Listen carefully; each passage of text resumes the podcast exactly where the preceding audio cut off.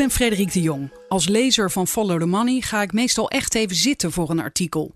Verhalen waar zo lang aan gewerkt is, kun je bijna niet in vogelvlucht tot je nemen. Het liefste zou ik willen dat de redacteur naast me zat om uitleg te geven. En dat is nu het geval. Spreek hem eens in. Frederik vraagt door. De podcast van Follow the Money. I know you're gonna dig this. Thomas Bolle, welkom terug in de podcast. Ik heb je een lange tijd niet gesproken. Ja, klopt, klopt. Leuk En om jij hier weer te zijn. Fijn. Jij zei tegen mij: kunnen we niet dit artikel gaan opnemen in de podcast? Want dat is zo ingewikkeld. Ik weet niet of mensen dit begrepen hebben. Ja, ja, dat klopt. Ik, ik heb af en toe dat ik zelf denk, hoe zit het nou ook alweer? Als ik dan met iemand praat, dan moet ik even weer helemaal scherp zijn. Als ik niet scherp ben, dan snap ik het zelf niet meer. Oh. Terwijl er wel, zie ik, 249 commentaren onder dit artikel staan van mensen die reageren op de inhoud. Dus kennelijk snappen zij er wel iets van. Nou, je, de, reageren wil nog niet zeggen Nee, dat je het dat is waar, snapt. maar- Hè? Maar dat het, juist dat het wel een heel belangrijk onderwerp is, waar dus heel veel discussie over is. Omdat er ook... eh, Het is moeilijk om het te doorgronden. Dus je kan het ook heel snel misinterpreteren en eh, verkeerde conclusies daaruit eh, trekken. Oké, het heet Wie redt ons geldsysteem uit de wurggreep van centrale banken? Dus dat begint al meteen met een vraag. En dat werpt bij mij de vraag op: we zitten kennelijk in een wurggreep van centrale banken. Ja, Nou, ja, wij niet, maar ons geldsysteem. Ja, en daar heb- hebben wij wel, eh, ondervinden wij de consequenties van. En ehm, vandaar die titel. Ik ga het gewoon meteen lezen en dan heb ik straks vast heel veel vragen. Centrale banken proberen met negatieve rente en het opkopen van staatsobligaties ons financiële systeem overeind te houden. Tevergeefs denken experts en insiders. Centrale banken hebben geen idee wat er daadwerkelijk gebeurt in het monetaire systeem. De wereld is gek geworden en het systeem is kapot. Dat schrijft de Amerikaanse hedge fund manager Ray Dalio op 5 november op zijn LinkedIn-pagina.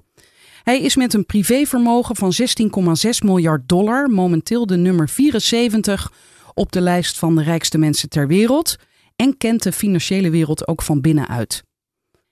Hij zegt ook: terwijl geld zo goed als gratis is voor degene met geld en kredietwaardigheid, is het niet beschikbaar voor mensen zonder geld. En dat vergroot de kloof tussen arm en rijk en zorgt voor ongelijke kansen en politieke spanningen. Dat de wereld van het geld op zijn kop staat, merken we ook dichter bij huis. Bij de Deense Jyske Bank krijg je sinds deze zomer zelfs geld toe als je een hypotheek afsluit. Ja, even daarover, want daar lees je inderdaad dingen over. Dat, dat is dus echt zo. Ja, ja. En om hoeveel Maar geld alleen- gaat het dan? Alleen, dan is de vraag, wie gaan ze wel een hypotheek verstrekken en wie niet? Nee, Dus oké, maar de mensen die nu. is, is heel belangrijk. Ja, maar eerst gewoon even heel Ja. praktisch. De mensen die nu een hypotheek daar hebben, die krijgen, die betalen niks meer, maar die krijgen geld. Ja. Die Hoeveel? krijgen uit, ja, dus een heel klein percentage. Maar gaat het om een paar tientjes of echt honderden euro's? Dat ligt eraan hoe hoog je eh, eh, hypotheek is en hoeveel het tarief. Dit, kijk, die details. eh, de, Nee, oké. Ik heb niet daar een hypotheek. Maar er is iets raars aan de hand in de, in de wereld van het geld. En dat hebben we eigenlijk nog nooit eerder gezien. In ieder geval niet in de recente geschiedenis. Eh, dat, dat er 0% rente, dat dat eigenlijk de norm is geworden. En dat betekent dat je gratis kan lenen. Dat je geld toekrijgt zelfs. Want we gaan nu naar negatieve rentes. En dat je moet betalen om te sparen. Nou, dat zijn we sowieso echt niet gewend. We weten niet wat dat betekent. Dat, dat is in ons, ons hoofd, eh, zorgt dat voor een beetje voor kortsluiting. Want Ja. je wil... eh, je, je wil rente krijgen op je spaargeld en je, wil, je begrijpt dat je moet betalen om, om een lening af te sluiten. Nou, dat geldt dus niet meer. En dat zorgt ervoor dat er nu in één keer ook heel veel aandacht is voor ons financieel systeem. Mensen in één keer denken, Hé, maar hoe kan dit nou en wat betekent dat nou eigenlijk? En in Nederland is het nog net niet eh, onder de nul gezakt, toch? We zitten op 0,3 procent, tenminste, ik bij mijn bank, Nee, dacht ik. De, de banken die bepalen welke rente ze jou eh, geven op je spaarrekening. En het enige wat nu echt negatief is geworden is de rente die de ECB aan die banken eh, rekent voor, voor het geld dat ze bij, bij de centrale bank stallen. Jij schrijft hier ook, daar staat tegenover, dus tegenover die Deense bank waar je geld toe krijgt, dat sparen niet meer automatisch loont. Ja, dat zei je net, dat kost geld. Zo liet de Zwitserse bank UBS haar sparende klanten weten dat er bij een saldo boven de 500.000 euro voortaan 0,6% per jaar moet worden bijbetaald. Ja. Ook in Nederland houdt de negatieve rente de gemoederen bezig. In een enquête van Radar zei 53% van de respondenten hun geld van de bank te halen zodra de spaarrente negatief wordt. Iedereen kijkt daarom naar de Europese Centrale Bank, de ECB. Die bank voerde onder leiding van de Italiaan Mario Draghi een langdurig lage rentebeleid en hervatte in november van dit jaar het opkopen van staatsobligaties voor 20 miljard euro per maand. Dat dat beleid niet werkt, zoals de centrale bank zegt, zette ik al eerder op Follow the Money uiteen. Het goedkope geld levert niet de gewenste inflatie op, omdat het niet in de reële economie terechtkomt, maar grotendeels blijft hangen in financiële markten. En dat creëert bubbels op aandelen- en huizenmarkten ten koste van de spaarder, maar ook de pensioenspaarder. Ja, ik herinner me nu een uh, tweet van jou uh, waarin jij um, andere media even terecht wees en zei: dit geld wordt helemaal niet in onze economie gepompt. Dat wordt altijd even kort zo gezegd. De ECB pompt geld in de economie. Maar dat is juist een van de problemen, zeg jij. Dat doen ze niet. Ja, dat is dus de, de grote misvatting. Um, wat, wat de ECB, die heeft, die heeft een doelstelling. De inflatiedoelstelling. En daar komen we zo nog op of dat dan het meest nuttige uh, doel is om, om na te streven. En namelijk dat, ze, ze, ze, hun officiële doel is prijsstabiliteit. En op dit moment is um, de inflatie die is heel laag. En ze hebben prijsstabiliteit gedefinieerd als 2% inflatie. Dus dat de, de prijzen gemiddeld zo'n 2% uh, stijgen. En omdat die inflatie zo laag is, uh, creëert de ECB. Um, of, of wat, wat de ECB doet, is ze kopen staatsobligaties van banken. En dat doen ze met nieuw geld. Dat, hè, dat, is een, dat doen ze in de computer gewoon uh, een paar getalletjes intypen. En dan is er, wordt in één keer die staatsobligatie gekocht van die bank. En dan heeft de bank in plaats daarvan een reserve bij de centrale bank. En wij denken dan, het geld gaat de economie in. Alleen dat is dus niet zo, want dat geld is ander geld dan het geld wat, wij op onze bankrekening hebben staan. Dat is namelijk uh, uh, een, een rekening die de bank heeft bij de centrale bank. En daar kunnen wij helemaal niet bij. Is, dat is een ander soort geld. Dat zijn centrale bankreserves. En wij gebruiken bankkrediet. Je kan het eigenlijk, ik zat te denken, hoe kan je dat nou beter uitleggen? Met eigenlijk een metafoor. Wij betalen elkaar met boekenbonnen. En de centrale bank, die heeft een, een mooi groot uh, boek geschreven. En dat is het echte geld.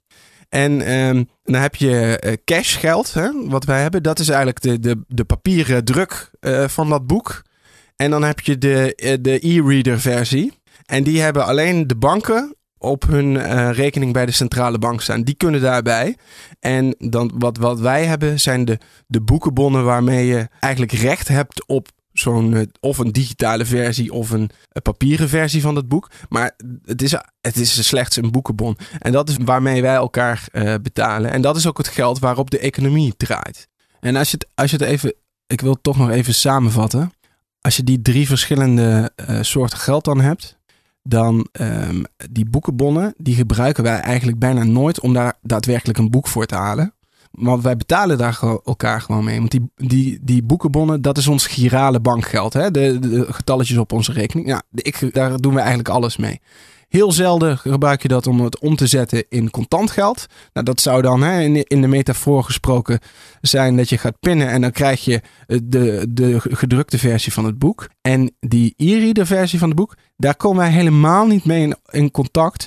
Dat gebruiken alleen banken om naar elkaar geld over te maken. Dus dat is eigenlijk het, het geld dat banken gebruiken als zij onderling uh, een rekening te vereffenen hebben. En wat de ECB nu heeft gedaan, is eigenlijk staatsobligaties van de markt halen. In plaats daarvan heeft ze die banken een extra hoeveelheid uh, digitale versies van haar boek gegeven. En dan hoopt ze dat banken ook daadwerkelijk ons meer boekenbonnen gaan uitlenen. Maar dat gebeurt niet. Maar dat gebeurt niet automatisch. En daar, daar komen we denk ik dadelijk ook nog uh, op terug waarom dat dan niet gebeurt. Maar wat, er telkens. We, halen al die soorten, verschillende soorten eh, geld door elkaar. Dus we doen eh, alsof een, eh, een gedrukt boek, een e-reader versie en een, slechts een boekenbon, of dat allemaal hetzelfde is. En daardoor bekijken we het dus ook verkeerd. En eh, eh, eh, schatten we dus ook verkeerd in wat, wat het beleid voor effecten heeft. Maar schatten wij dit verkeerd in omdat we er te weinig van weten? Of erkent de ECB dit ook niet? Of zeggen zij wel, ja, die zouden zeggen als ze jouw verhaal horen, dit klopt? Nou, die, die erkennen wel hè, dat, dat het onderscheid bestaat. Alleen zij hebben een hele rare logica van wat banken dan vervolgens gaan doen. Dus zij leunen op hun eigen interpretatie van wat banken doen. En banken die denken, ja, wij doen gewoon wat wij willen. Namelijk eh, dat wat ons het meeste geld op- oplevert, toch het bottom line. Is een, commerciële bank eh, heeft aandeelhouders eh, tevreden te stellen. Dus die gaat niet denken vanuit het maatschappelijk oogpunt... wil de ECB nu dat wij meer geld gaan uitlenen aan mensen... En de, de bank denkt, ja, dat doen we alleen als wij daar ook brood in zien. En we denken dat dat ook ons eh, winsten oplevert. Maar dit is toch al een tijdje gaande, dat beleid van de ECB. Ja. Nu, inmiddels moeten zij toch ook wel in de gaten hebben dat het dus niet werkt? Ja, dat, dat is ook eh, bekend. Dat, is ook, eh, dat, dat staat in al die statistieken. Als je goed naar die statistiek kijkt, dan zien we gewoon dat het niet werkt. Want het, er komt dus geen geld in de reële economie bij, maar er alleen die, eh, de- heel veel geld in de financiële markten. Want daar gaan die, ga- gaat dat geld eh, rond. En dan krijg je dus eh, wel dat de prijzen van eh, financiële producten, van huizen en speculatieve investeringen, da- daardoor eh, gaan prijzen wel omhoog. Maar dat zien we niet terug in de reële economie. En dat telt dus ook niet mee voor de inflatie. Terwijl jouw huis wel duurder wordt om te kopen. Ja, en jij gaat hier dan verder met. Het zorgt voor herverdeling van arm naar rijk. En Ray Dalio, die dus zijn eh, stuk op LinkedIn eh, plaatste, komt tot diezelfde conclusie. Hij zegt het idee van trickle-down economics, waarbij geld vanaf de top doorcijpelt en uiteindelijk ook het inkomen en kredietwaardigheid van arbeiders verbetert, werkt niet. Het kapitalistische systeem dat voor de meeste mensen goed werkt, is kapot. Het eigen vermogen van Ray Dalio steeg overigens dit jaar met 15%, oftewel met meer dan 2 miljard dollar. En als de rijkste mensen ter wereld, zoals hij, die zelf wel profiteren van dat goedkope geld, dit soort waarschuwingen uitspreken, is er echt iets mis. Dat zeggen ook economen Steve Keen en Theo Kokke. Volgens hen is het beleid van centrale banken gebaseerd op achterhaalde modellen en fundamenteel verkeerde theorieën over geldschepping. Geconfronteerd met die bevindingen zei de ECB tegen Follow the Money vastgesteld is dat het bewaken van de prijsstabiliteit de meest effectieve bijdrage is van monetair beleid aan langere termijn economische groei. Een drastische koerswijziging in het rentebeleid valt onder leiding van de Française Christine Lagarde, de kerstverse opvolger van Draghi, dan ook niet te verwachten. De ECB wijst erop dat, quote, alle grote centrale banken hun beleid op dezelfde economische leer baseren. Oké, dus zij heeft eh, zijn taak overgenomen en denkt precies hetzelfde. Ja, dit, het is gewoon het, het instituut. Ja. En ehm, al die centrale banken, die baseren zich op dezelfde economische modellen. En, ehm, eh, Dat ik- lijkt me op zich wel handig. Nou ja, als het de juiste modellen Ja, zijn. dat, dat is dan weer even een puntje van aandacht. Maar dat is dus het probleem. En dat is wat Steve Keen en eh, Theo Kokke, ja, twee, twee eh, goede economen, ehm, ook zeggen. Van ja, die modellen zijn gewoon verkeerd. Die moeten we veranderen. En zij, zij zien dat, eh, proberen dat ook in het onderwijs voor elkaar te krijgen. Maar ik heb dat zelf ook ondervonden. Je, je leert op school en op de universiteit leer je allemaal met die standaard modellen te werken. En dat, ehm, ja, dat, dat blijkt dus dat die modellen gewoon ehm, gestoeld zijn op aannames die helemaal niet kloppen.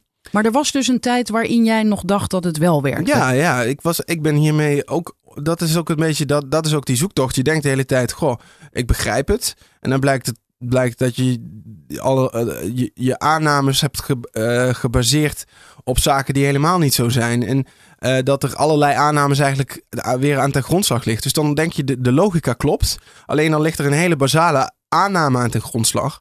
En die slaat nergens op. En dat zie je nu ook weer met, met het hele idee van die lage rente. Kijk, het gaat ervan uit dat als de, als de rente omlaag gaat, dat mensen dan meer willen gaan lenen en dat ze minder gaan sparen. Maar is dat wel zo als je zo dicht bij de nul zit? Want ja, als je toch een goed ondernemingsidee hebt en je wil iets gaan doen en je hebt daar geld voor nodig, laat je je dan weer houden door 0,8% rente en denk je, nou, ik ga pas beginnen als de rente 0,3% is.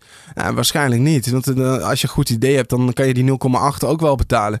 En eh, ja, als je, als je voor later spaart en die rente is zo laag, dan denk je misschien, nou, ik moet nog wel meer sparen om later genoeg te hebben om van te kunnen leven. Dus uh, ja, de, de, de veronderstellingen die er aan de grondslag liggen, die kloppen misschien wel helemaal niet. En als dat zo is, dan vallen al die modellen vallen in elkaar. En dan moeten we dus echt heel anders uh, gaan, gaan denken. Ja, en nu opeens begin ik te denken, al die mensen die al uh, jarenlang in deze financiële wereld zitten, voor hen is het natuurlijk ook heel moeilijk, net zoals in andere sectoren, om heel anders te gaan denken. Ze hebben Ja. dit gewoon 30, 40 jaar zo gedaan. Ja, precies. En ik, ik had laatst een college en toen kwamen ook eh, Casper van Ewijk en eh, Bas Jacobs, twee eh, hoogleraren hier in, in Nederland ook. Echt intelligente mannen, vooraanstaande wetenschappers, zitten ook in al die commissies, adviesraden. En die, die lieten ook deze modelletjes weer zien. En dan vraag je ook van ja, maar stel nou dat die aannames niet kloppen, zeggen ze ook van ja, dan, dan, dan klopt ook niet wat we, het beleid wat we daarop voeren. Maar vervolgens gaan we wel toch door met die bestaande modellen, omdat we niet eh, geen betere modellen eh, voorhanden hebben. Althans, die worden niet geaccepteerd in die mainstream economics.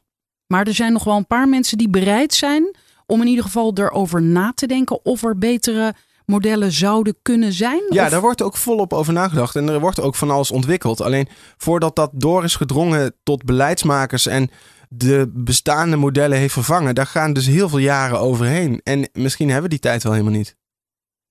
Verreweg de belangrijkste van die grote centrale banken is de Amerikaanse Federal Reserve, de Fed. De dollar is sinds de Tweede Wereldoorlog de wereldreservemunt waarop het monetaire systeem van andere landen stevig leunt. De dollar is betrokken bij ruim 80% van de wereldvalutahandel en 40% van alle schulden wordt verstrekt in dollars. Het beleid van de Fed is daarom niet alleen cruciaal voor de Amerikaanse financiële stabiliteit, maar bepaalt ook welk monetair beleid andere centraalbankiers zich kunnen permitteren. Om het beleid van de ECB te doorgronden, moeten we dus een kijkje nemen aan de andere kant van de Atlantische Oceaan. Terwijl de aandacht in Europa was gevestigd op de wisseling van de wacht bij de ECB en de verlaging van de depositorente, gebeurde in de VS ook iets opmerkelijks. Het was alleen geen renteverlaging, maar een stijging. Op 17 september 2019 ging de rente op korte termijnleningen, die met een looptijd van één dag, plotseling vier tot vijf keer over de kop, van zo'n 2% naar bijna 10%. Die piek in de zogenaamde repo-rente betekende dat er plotseling een enorm tekort was aan cash-dollars op de Amerikaanse financieringsmarkten. Repo staat voor Repurchase Agreement, oftewel een terugkoopafspraak. In de repo-markt kunnen financiële partijen op hele korte termijn geld lenen, voornamelijk leningen met een looptijd van een dag, in ruil voor onderpand. Dat geeft extra zekerheid voor de kredietverstrekker ten opzichte van leningen zonder onderpand.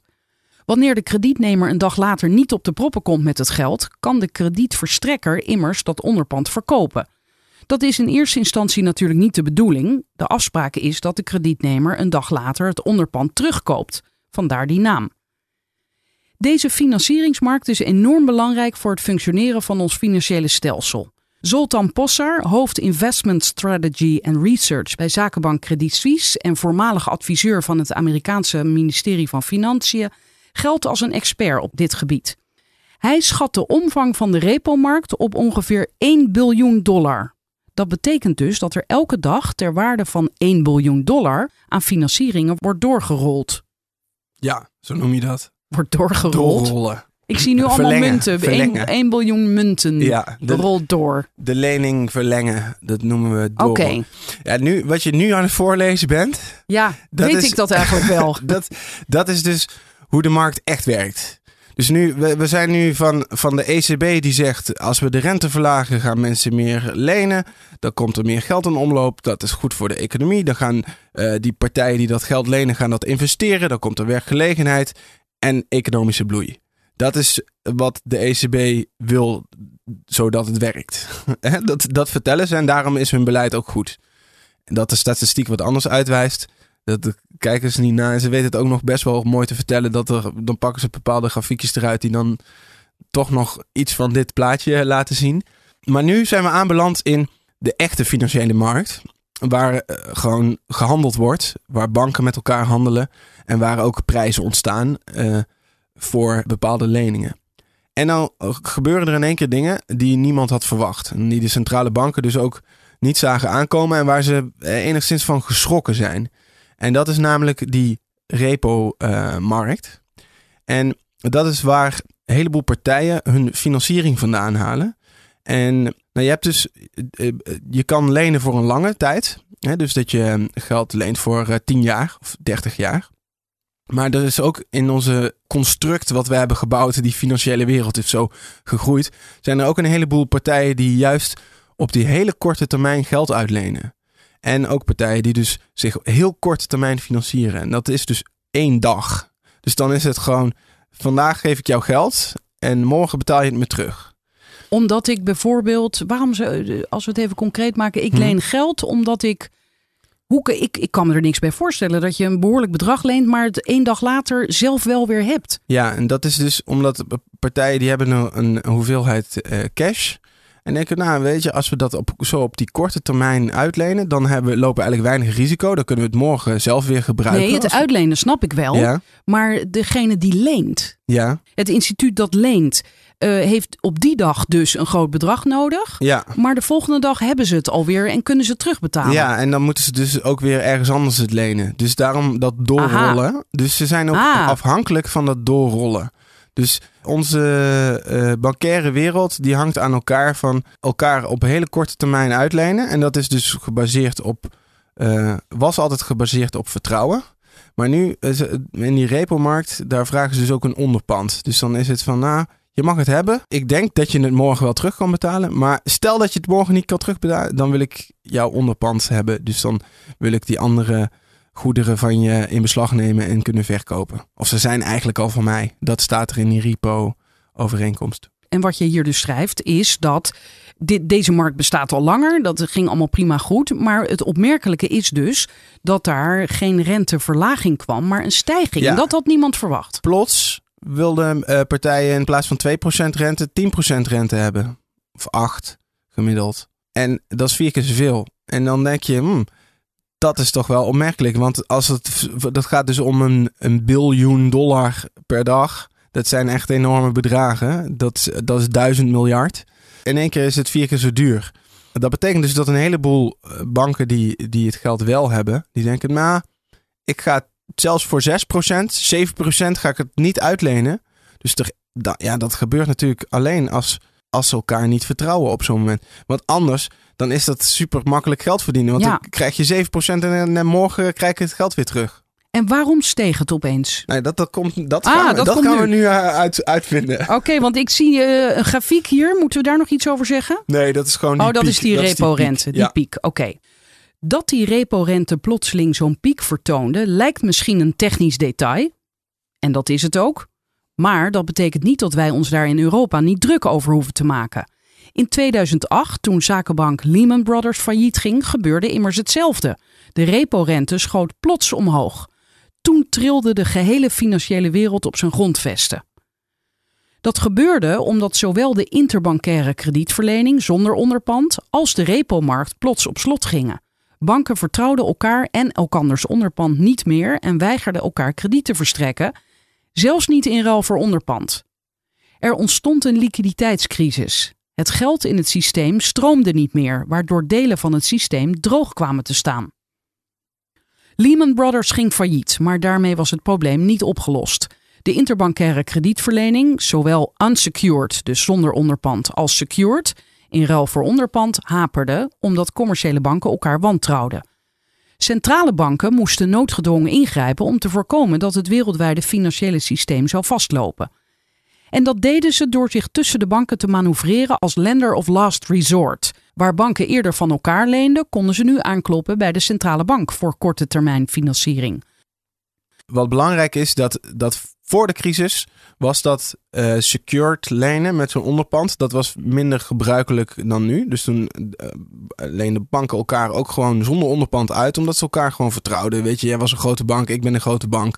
Het gaat gewoon allemaal goed. We doen allemaal hetzelfde. Niks aan de hand. En toen kwam die crisis. En toen gingen die banken in één keer denken van ja, hé, maar eh, we, hebben die rotzooi op onze balans staan. Jij waarschijnlijk ook. Dus als ik mijn geld nu aan jou uitleen, eh, dat vertrouw ik niet. Dan krijg ik het misschien wel niet terug. Dus het ging helemaal op slot. Dus dat noemen we dan liquiditeit. Hè. Dat is eigenlijk, als je het vergelijkt met water in een systeem, hoe snel dat door het systeem heen stroomt. Nou, als in één keer partijen stoppen met dat geld uitlenen, dan hapert op een gegeven moment het hele systeem. En dan komen er overal verstoppingen. En, en dan gaat het water eh, helemaal niet meer rond. En dat is eigenlijk dan met, met geld in, in die financiële wereld. En toen hebben centrale banken die zeiden: Oké, wacht, wij kunnen gewoon geld creëren wanneer we dat nodig achten. En dat kunnen we dan ook gaan uitlenen. Dus die zei in plaats van dat die banken dat onderling gingen doen, is eigenlijk kon je als bank lenen bij de centrale bank. Dus de centrale bank die zorgde ervoor dat er nog steeds wel overal geld arriveerde. En dat is die quantitative easing. Die, die, dat zijn die opkoopprogramma's. Nee, nee, dat Want is, daar kom ik nu in ja, de tekst namelijk. Ja, daar, daar kom je nu. Maar dat is nog niet quantitative easing, kwantitatieve verruiming. Dit was gewoon dat, je, dat, dat banken konden lenen bij de centrale bank. Is dat nou een, kan je dat zeggen dat dat een goede ingreep is geweest? Of hadden de banken het beter onderling kunnen oplossen? Nou, dat was een noodzakelijke ingreep binnen Omdat het systeem niet we hadden. Omdat ze elkaar niet meer vertrouwen. Kijk, en dit is ook meer een, een onderzoek van hoe, hoe werkt het in de praktijk. En was er iets anders mogelijk? Ja, op dat moment niet. Als, anders we storten het hele financiële systeem in. Alleen we doen het nu nog steeds. En nu zijn we tien jaar verder. En nu zijn we dus nog steeds. Hebben eigenlijk in de basis hetzelfde systeem. Waarvan we weten dat het kan vastlopen. Alleen werkt het niet meer zoals het voorheen werkte. Omdat dat vertrouwen. dat is weggeëpt. En dat is nog niet eh, hersteld. En dat kwantitatieve verruiming. dat is eigenlijk een tweede maatregel. die eh, centrale banken vervolgens hebben eh, genomen. Ze zeiden namelijk eigenlijk, ehm, nou ja, je, je kon dus telkens geld lenen bij de centrale bank. Dat zorgde voor liquiditeit. Als bank kon je dat. Als bank kon je dat. En vervolgens heeft de centrale bank gezegd, ja, maar we willen eigenlijk dat dat systeem zich gaat herstellen zoals het vroeger was. Dus nu gaan we kwantitatieve verruiming doen. En dan gaan we dus staatsobligaties die die banken op hun balans hebben staan, gaan we opkomen. En dan gaan we dat vervangen door centrale bankreserves. En dat is dus geld, maar dan de, de e-reader variant van het boek. Ja, en, precies. niet, en niet de boekenbonnen die je op je rekening hebt staan. Dat, dat, is heel belang, dat onderscheid is heel belangrijk. Als, als een bank jou een lening verstrekt, dan krijg je boekenbonnen. Dat is wat jij op je, op je rekening hebt staan. Daar betalen wij elkaar ook mee. En wat de centrale bank nu deed, die zei: Oké, wij gaan de staatsobligaties en waardepapieren die je als bank bezit, die gaan we van je kopen. En in plaats daarvan krijg je extra eh, e-reader exemplaren van het boek. Dat is leuk. dit ziet de luisteraar niet. Maar terwijl jij dit uitlegt, heb jij de hele tijd je handen in de lucht als een soort eh, tovenaar. En om de, je woorden kracht bij te Ja, zetten. ik heb ook geen idee of, of die vergelijking met die boeken helpt. Maar het is in ieder geval, het is wat anders. Maar Ja. het is, we noemen het allebei geld. Het zijn allebei dollars, het zijn allebei euro's. Hè. Je hebt de euro centrale bankreserves bij de ECB, dollar centrale bankreserves bij de Federal Reserve. Maar het is wat anders dan het geld dat wij gebruiken. Nou, het helpt enigszins bij mij. Ik krijg in ieder geval een beeld van dat er verschillende soorten geld zijn. Ja. Kennelijk. Dat wist ik nog Ja. niet. Dus dat is mooi.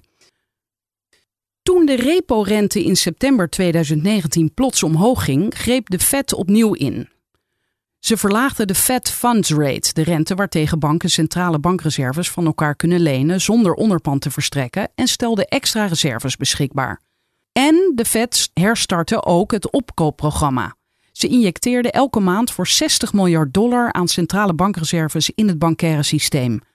De opgekochte staatsobligaties komen op de eigen balans te staan. Dat is vergelijkbaar met wat de ECB ter waarde van 20 miljard euro per jaar in Europa doet. Oké, dus in Amerika gaat het over 60 miljard en hier in Europa 20 miljard. Er bestaat echter steeds meer twijfel of dit beleid wel werkt. John Williams, de president van de New York Fed, zei op 20 september tegen de Financial Times: We moeten ons vandaag niet focussen op hoe hoog het niveau van de centrale bankreserves is, maar op hoe de markt functioneert. Over het functioneren van die markt sprak ik de afgelopen maanden meermaals met Sander Boon, politicoloog, monetair expert en schrijver van het boek De Geldbubbel. Boon volgt de geldmarkten op de voet en zet ernstige kanttekeningen bij de logica achter het centrale bankbeleid. Hij zegt er is veel te veel aandacht voor de hoeveelheid centrale bankreserves in het systeem, terwijl die irrelevant is. Hij citeert de ex-BlackRock-bestuurder en Fed-werknemer Peter Fisher. Die zegt: liquiditeit is geen kwestie van kwantiteit, maar van gedrag. Eigenlijk het, punt wat hij wil maken is: het gaat niet om eh, de, de hoeveelheid water in het systeem, maar eh, over hoe snel dat ook rondstroomt. En als je kunt wel heel veel water ehm, erin pompen, maar als het allemaal stilstaat, dan heb je nog steeds geen liquiditeit op alle plekjes. Boon zegt ook centrale bankreserves stapelen zich op de bankbalansen op, maar dat leidt niet tot meer liquiditeit. Ja, precies wat jij zegt met dat water. Laat staan het herstel van vertrouwen tussen banken. Zolang die doorstroom van geld hapert, blijft een Lehman-moment op de loer liggen. hey.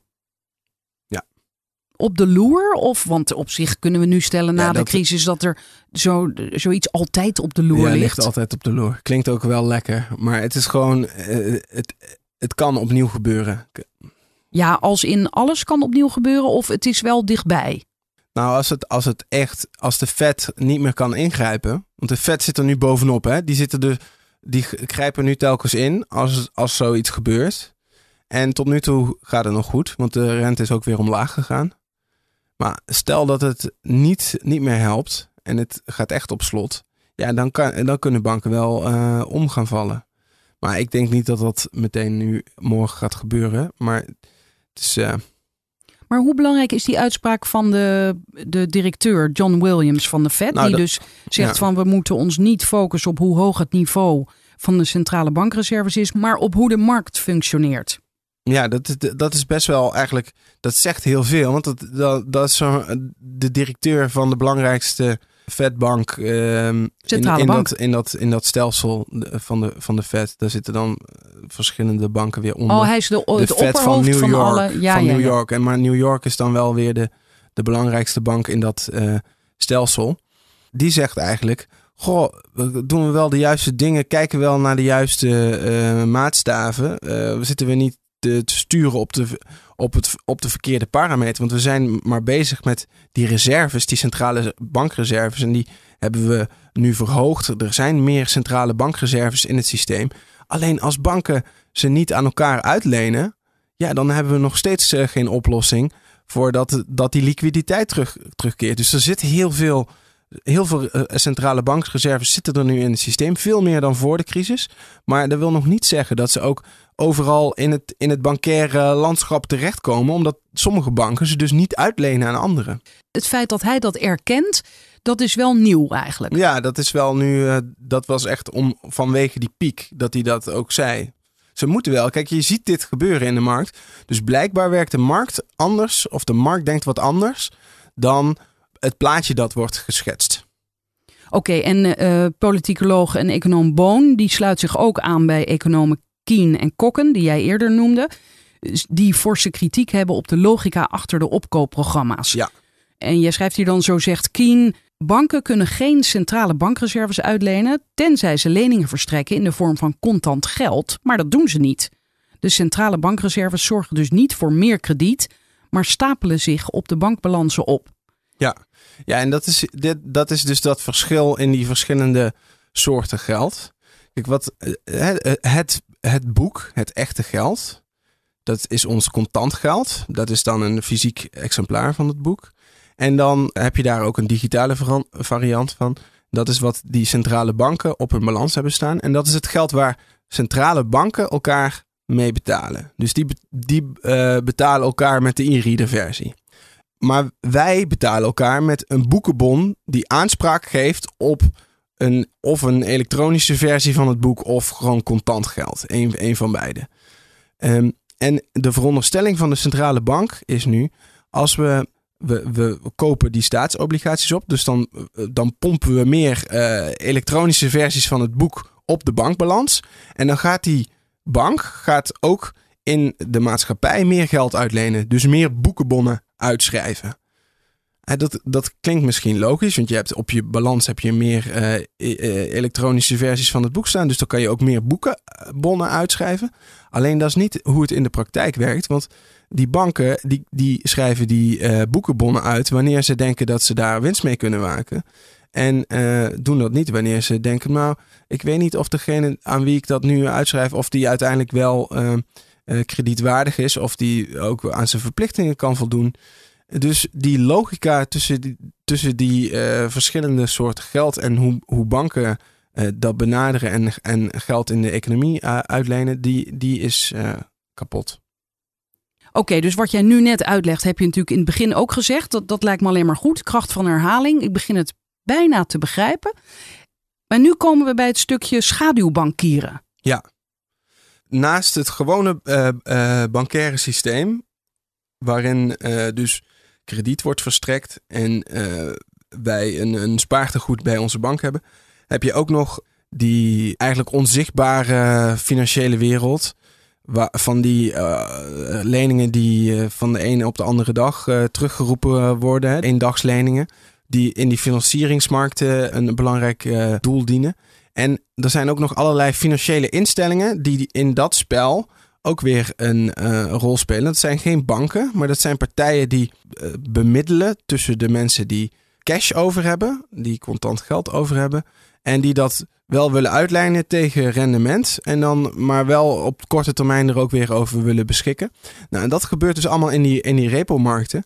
En daar, daar eh, ge- gebeurt eigenlijk eh, een, eh, hetzelfde als wat, wat banken doen, maar volledig buiten toezicht.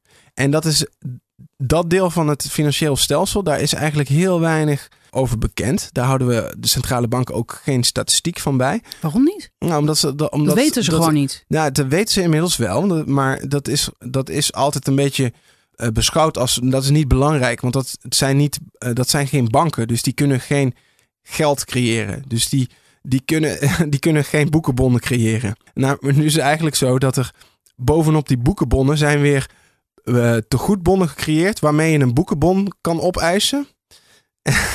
dus eigenlijk nog een laagje weer bovenop dat geldsysteem. En daarmee betalen sommige partijen elkaar ook weer. Dus eigenlijk, je moet geld, eh, het, het geldsysteem van de euro of de dollar. Wij denken dat dat, dat dat 1 euro 1 dollar is. En dan zijn er allerlei afgeleiden van euro's en dollars. En dat soort contracten en afgeleiden van de euro, daar kunnen, kun je elkaar ook mee eh, betalen. Dus dat zijn allemaal aanspraken op, op een euro. Maar is sindsdien, sinds deze verandering, eh, is de ECB en zijn andere centrale banken daardoor wakker geworden en zeggen ze, nu moeten we misschien daar wel toezicht op gaan houden? Ja, daar gebeurt wel wat op. Dus bij onderzoekers bij het IMF en ook bij, bij centrale banken en de Bank of International Settlements, die schrijven daar ook we- veel over. En op universiteiten wordt er onderzoek naar gedaan. Daniela Gabor in eh, Engelse universiteit, ik weet niet waar precies. Die heeft heel veel onderzoek hier naar gedaan, ook veel over geschreven. Die Zoltan Postar, die is ook eh, heel eh, goed in het in kaart brengen van die eh, schaduwbankierwereld, omdat hij daar zelf in werkt ook. Maar die wereld, dat is eigenlijk een soort van black box voor heel veel economen. En ook, je merkt dat, dat er in de theorieën ook niet echt rekening mee wordt gehouden.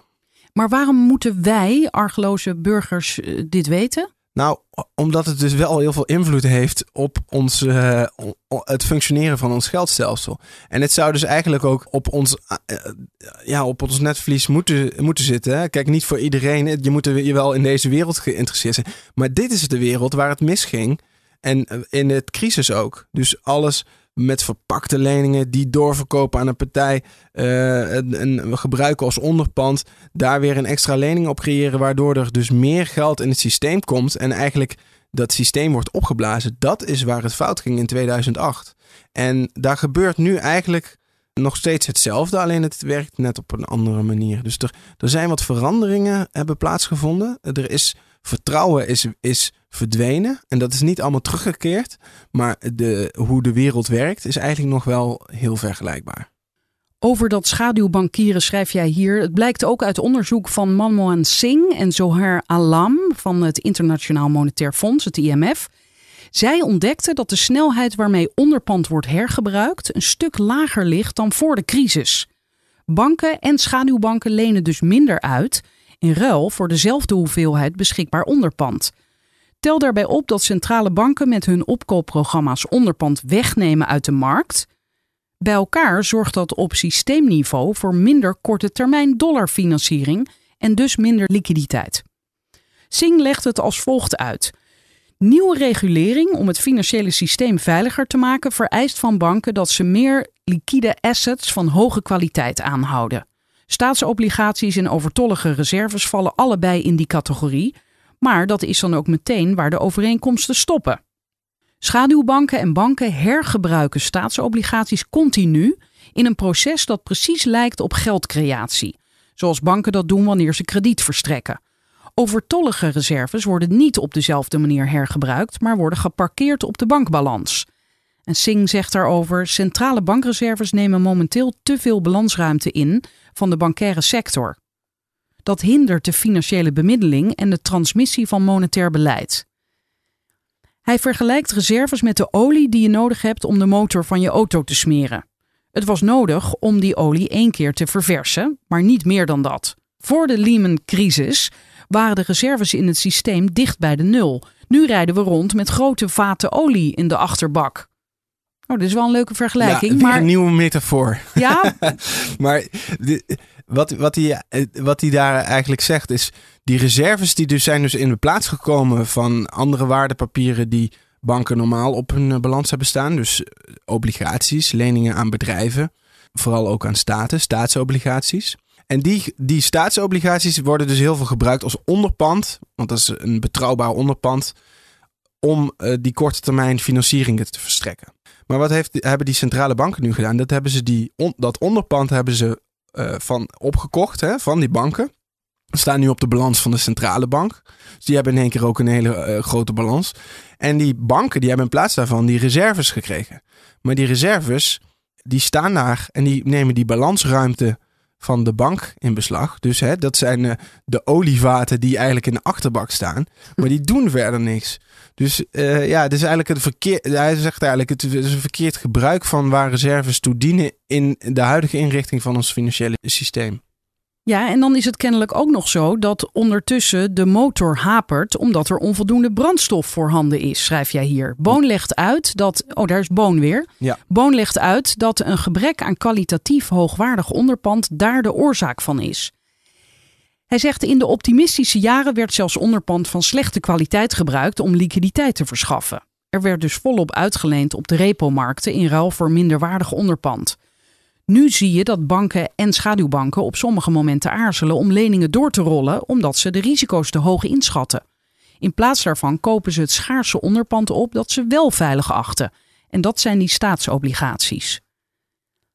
De vlucht van investeerders in dit hoogwaardige onderpand belemmert het hergebruik ervan door schaduwbanken. Dat is volgens Boon de beperkende factor in de korte termijn financieringsmarkten. En hij verklaart ook de dalende rente. Investeerders en banken zijn bereid om geld aan staten te lenen tegen een extreem laag rendement. Ze zijn op zoek naar zekerheid en mijden risico.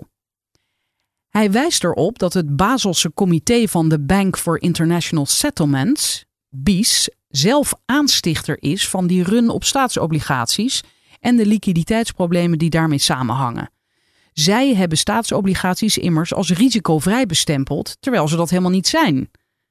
En dat erkent het Baselse Toezichtscomité overigens zelf ook. In een rapport uit 2018 schrijft de BIS: De behandeling van staatsobligaties is positiever dan van andere asset classes. Het huidige risicoraamwerk staat het landen toe om een 0% risicoweging aan staatsobligaties te geven, ongeacht de daadwerkelijke risico's. Ja, ja. Ja, staatsobligaties. Wat zijn dat? Dat zijn uh, overheidsleningen. En die, um, uh, die fungeren als, een, als eigenlijk het, de basis van ons, ons financiële systeem. Um, en er, zit, zijn ook heel veel misvattingen over. Want we, we, we doen soms alsof de staatsschuld, alsof die helemaal terugbetaald moet worden. Hè? Dat hoor je mensen wel zeggen. Ja, we moeten altijd een, een budget overschot hebben, want dan kunnen we de staatsschuld afbetalen. Als dat zou gebeuren, zouden we in ons moderne geldstelsel zouden we geen geld meer hebben. Want alles wat wij hebben is gebaseerd op, op leningen. En het is juist doordat de staat heeft geleend, is dat geld in omloop gekomen en dat is wat wij gebruiken. Dus die staatsschuld, die, die vormt uh, de basis waarop ons huidige uh, geldstelsel is gebaseerd. Ja, en even voor de duidelijkheid, ik kan ook een staatsobligatie kopen. Ja, ja. In, maar ook in een ander land. Ja, klopt. Klopt. Je kan een staatsobligatie van Dus- een ander land kopen. Dus dan leen ik geld aan Italië. Ja, bijvoorbeeld. Ja, En daar krijg ik eh, rente voor. ja daar krijg je rente voor. Oké, maar banken onderling kopen kennelijk ook die staatsobligaties op. Dat heb je al eerder Ja. genoemd. Ja, eigenlijk oorspronkelijk, oorspronkelijk is het zo dat een staat kan zijn eigen geld uitgeven. En ehm, nou, dat hebben we in ons huidige stelsel hebben we dat zo ingericht dat de staat dat dan niet, die kan niet direct dat geld maken, maar die moet dat lenen van zijn eigen centrale bank. Dus dan heb je twee entiteiten. Je hebt de, de fiscale autoriteit, hè, de overheid, de regering die geld uit kan geven. En dan eh, die, die maken een budget en die ge- geven geld uit. En dan heb je de centrale bank bij wie ze dan aankloppen voor dat geld. En dan kunnen ze het lenen. Dus dan geeft de staat geeft een staatsobligatie uit. En de, de ECB, die, of, of niet de ECB, sorry. De, de nationale centrale bank, die tikt dan een getal in de computer in. En dan, kan, dan bestaat dat geld en dan kan je dat gebruiken. Maar nu hebben we in Europa hebben we een Europese centrale bank. En dat is geen nationale centrale bank. En die is gebonden aan allerlei regels. En die kan niet zomaar dit proces ja, vervolmaken. Dus als een staat nu, als Italië bijvoorbeeld, geld wil uitgeven. Dan kunnen ze niet zomaar zeggen: ECB, eh, kun je dat voor ons even in de computer intoppen? Dan krijgen jullie onze staatsobligaties. En dan ehm, krijgen wij het geld. Dat mag niet. Dat hebben we zo afgesproken. En daardoor zijn eigenlijk commerciële banken nog belangrijker geworden. Want wat gebeurt er nu, is dat, ehm, dat commerciële banken, die moeten die obligaties van landen kopen. En de, de Europese Centrale Bank, die doet dat dus niet rechtstreeks. Want dat zouden we monetaire financiering noemen. Nou, daardoor zijn banken, commerciële banken, zijn eigenlijk super belangrijk geworden voor het werken van ons financiële stelsel. En ehm, moeten overheden dus ook ja, zijn afhankelijk geworden ook van die commerciële banken. Dus er is een soort van verwevenheid ontstaan tussen die financiële wereld en overheden. En de overheid bepaalt dus de regels voor banken, wat voor risicoweging zij van die staatsobligaties vanuit moeten gaan. En die staan nu dus eigenlijk voor 0% risicoweging op de balans van banken. En dat betekent dat een bank ook geen kapitaal daarvoor hoeft aan te houden. Dan 0% risico. Dus eh, we gaan ervan uit dat er geen risico is op, op staatsobligaties. Dus een bank kan dat al, volledig financieren met schulden. En, ehm, en, en niet met ehm, aandelen waar ze, waar ze flink voor moeten betalen. Want aandeelhouders die eisen wel nog gewoon 10% rendement. Terwijl jij en ik op onze spaarrekening eh 0% rente krijgen. En even voor de goede orde, dit is dus kennelijk een probleem. Ja, dat is een probleem in, in die zin dat die staatsobligaties, ehm, die zijn zo belangrijk geworden in het huidige bankaire stelsel. En ze dienen dus ook als onderpand voor al die leningen in, in die eh repo-markten, waar, waar voor een dag geld wordt uitgeleend. En, en dat er is zo weinig vertrouwen tussen, tussen die banken onderling, dat ze dat eigenlijk niet meer eh, aan elkaar uitlenen zonder een staatsobligatie dus als, on, als onderpand. En omdat ondertussen die centrale bank, de Europese centrale bank, ook die eh, staatsobligaties weer opkoopt en van de bankbalans haal- haalt, is er eh, misschien wel een tekort aan dat veilige onderpand. En daardoor lopen die eh, markten dus weer opnieuw vast. En dan lees ik hier, toezichthouders steken de kop in het zand. En in, die zin dat ze ervan uitgaan dat alles, dat het allemaal risicovrij is, die eh, staatsobligaties. En dat is misschien wel niet zo. Dat is eigenlijk dat is het punt wat, wat eh, eh, Boon wil maken. Ik denk het een belangrijk punt. En het is ook, wordt nu ook erkend door de, door de Duitse eh, minister van Financiën, Scholz. Want ja, wij zijn hier in, ehm, in een noordelijk Eu- Europa, in Nederland en Duitsland, zijn wij gewoon gewend. Je moet heel strikt op die overheidsfinanciën eh, letten. Niet te veel eh, geld lenen als overheid. In Zuid- Zuid-Europese landen hebben ze een hele andere politiek gevoerd. Daar hebben ze juist altijd veel kunnen lenen. En dat kon, was geen probleem, omdat ze zelf eh, geld konden creëren met de centrale bank. En dat kan nu niet meer. Dus het is eigenlijk een clash tussen twee visies op hoe een gezond geldstelsel werkt. Maar het, het gaat eigenlijk nog, nog verder dan dat. Want je hebt dan ook nog die financiële sector. En die opereert eigenlijk autonoom. Dus eh, wat, wat de, de overheid als visie heeft en wat, wat, wat Nederland en Duitsland bijvoorbeeld vinden en Italië en Frankrijk en dat dat niet met elkaar overeenstemt. Dat is één. Maar daarnaast heb je ook nog gewoon die banken. En die banken, die doen gewoon. Die, Die doen gaan ook hun eigen gang. Die gaan hun eigen gang en die, doen, die reageren dus op, op de inrichting zoals die nu is. En dat heeft hele andere uitwerkingen dan wat eh, de beleidsmakers eigenlijk voor ogen hebben. Oh ja, want jij schrijft hier, door die lage risicoweging van staatsobligaties draagt dat er bijvoorbeeld aan bij dat banken als JP Morgan het afgelopen jaar massaal staatspapier hebben ingeslagen. Want zij denken gewoon, oh lekker, goedkoop, hup, Ja. inslaan, toch? Ja, ja, in ieder geval, ze denken veilig. Ja, En eh, goedkoop als in, we hoeven dat niet te financieren met eh, aandeelhouderskapitaal, waar we 10% rendement voor moeten betalen. En eh, ja, de, de spaarder, die betalen we 0%. En zolang we het op die manier kunnen financieren, dan is zo'n eh, staatsobligatie wel lekker veilig en is het genoeg rendement. en dan komen we bij het laatste gedeelte en dat noem jij grote dealerbanken weten meer. Ja, ja en, en die JP Morgan, dat is zo'n dealerbank. En die hebben dus afgelopen jaar zoveel van die staatsobligaties opgekocht.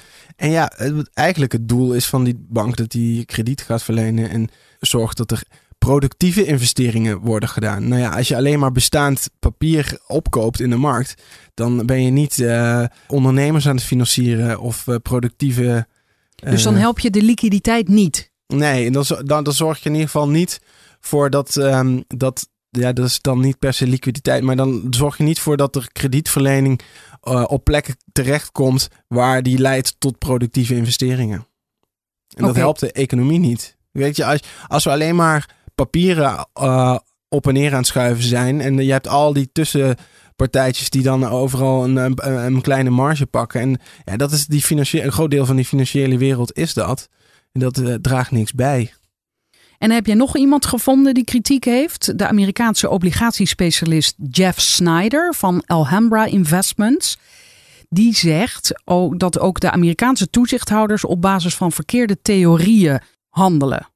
En ze negeren de signalen uit de markt. Hij zegt: de Fed heeft geen idee wat er gebeurt in het monetaire systeem. Ze spreken al 15 jaar niet meer in de monetaire taal die in de financiële wereld om hen heen wordt gesproken. De maatregelen die de Amerikaanse centrale bank wel toepast, typeert hij als een beleid van doe maar wat. Oh. Ze gooien lukraak dingen tegen de muur en hopen dat er iets blijft hangen. Ja. Staat ons een nieuw Lehman-moment te wachten? Dat is volgens Snyder moeilijk te zeggen en de timing ervan is nog onzekerder. Wel is hij ervan overtuigd dat er iets abnormaals aan de hand is. Hij zegt pieken in de repo-rente van 10% kan niemand afserveren als nietszeggend. Eén ding is volgens hem zeker. Als er echt wat breekt in het systeem, gaan we een veel chaotischer situatie tegemoet. De Fed weet simpelweg niet hoe ze effectief moet ingrijpen. En Snyder houdt de primaire dealers, die Amerikaanse zakenbanken, daarom nauw in de gaten. Hij zegt: Wij observeren van buitenaf, maar zij zien wat er daadwerkelijk op de balansen van de andere banken staat. Zij kunnen in real-time analyseren wat er echt gebeurt in het monetaire systeem. En op basis daarvan aarzelen die banken dus met het uitlenen van dollars tegen gangbare rentetarieven. Ze geven signalen af dat er wat fout zit. Anders zouden ze het risico wel nemen, geld uitlenen en de marge daarop incasseren. Die 0% risicoweging van staatsobligaties, het probleem daarvan, dat lijkt de Duitse minister van Financiën Olaf Scholz ook te begrijpen. Ja, jij noemde hem net al.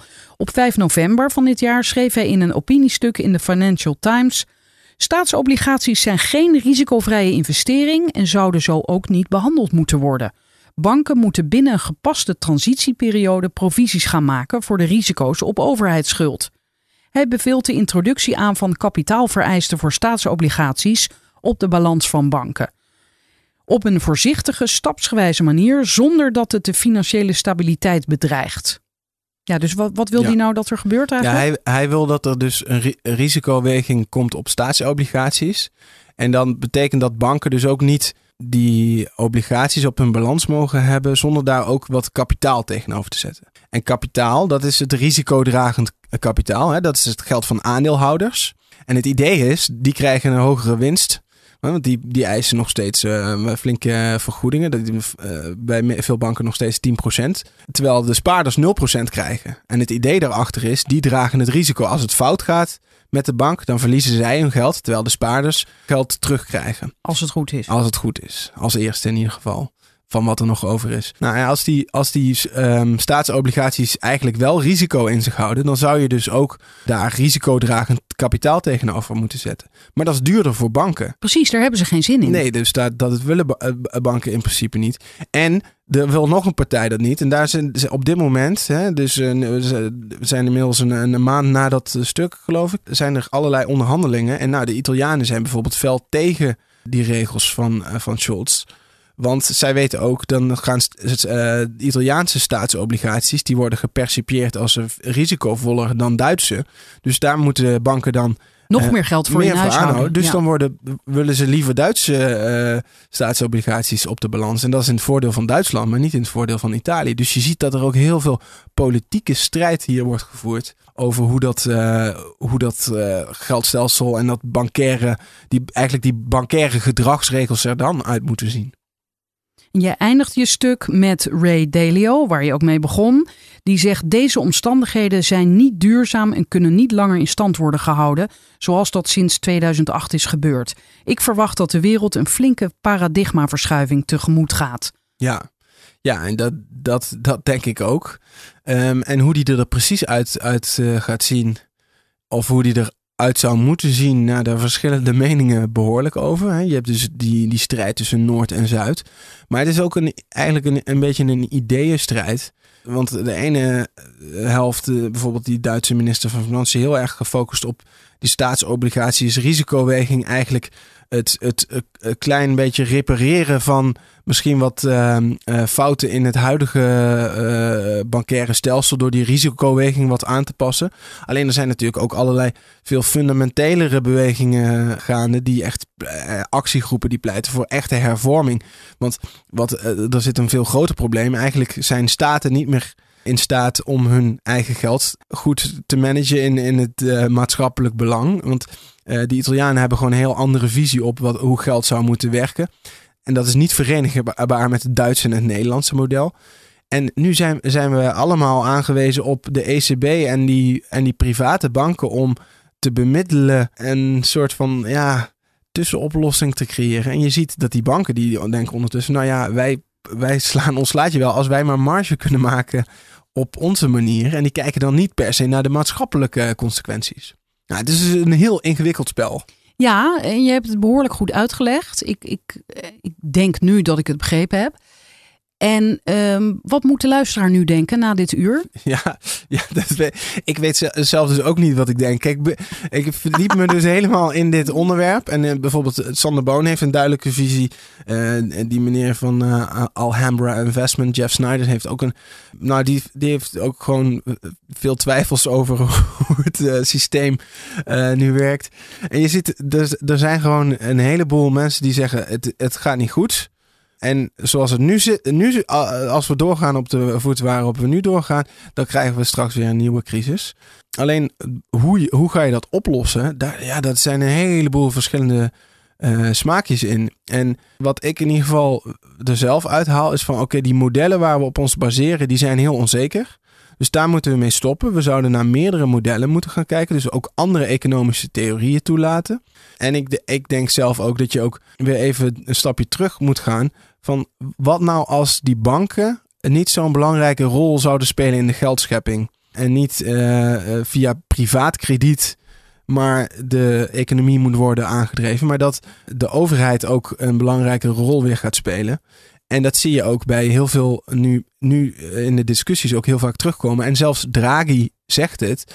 Toen hij aftrad, toen mocht hij in één keer wat vrijheid. Zegt hij ja, we hebben als ECB van alles geprobeerd en die rente is 0%. Eh, we gaan nu naar negatief. Maar wat er eigenlijk moet gebeuren is dat er fiscaal uh, gestimuleerd wordt. Dus overheden moeten iets gaan doen om in te grijpen. Want de, de, de marktpartijen doen het niet die, die, ja, die, die banken die, die gaan gewoon lekker uitlijnen daar waar zij winst kunnen halen. En ja, maatschappelijke uh, doelstellingen zijn toch wat anders. Want dan wil je toch Eh, je wil productieve investeringen die echt werk creëren. Die ervoor zorgen dat we ook productiviteit omhoog gaat. En ja, dan hebben we ook nog allerlei uitdagingen over het energietransities en groeiende ongelijkheid. Dus het is fijn als daar ook nog een beetje naar gekeken wordt. Dankjewel. Graag gedaan. Wil je weten wanneer een nieuwe aflevering online staat? Schrijf je in voor mijn nieuwsbrief. Die vind je bij ftm.nl/slash Frederiek.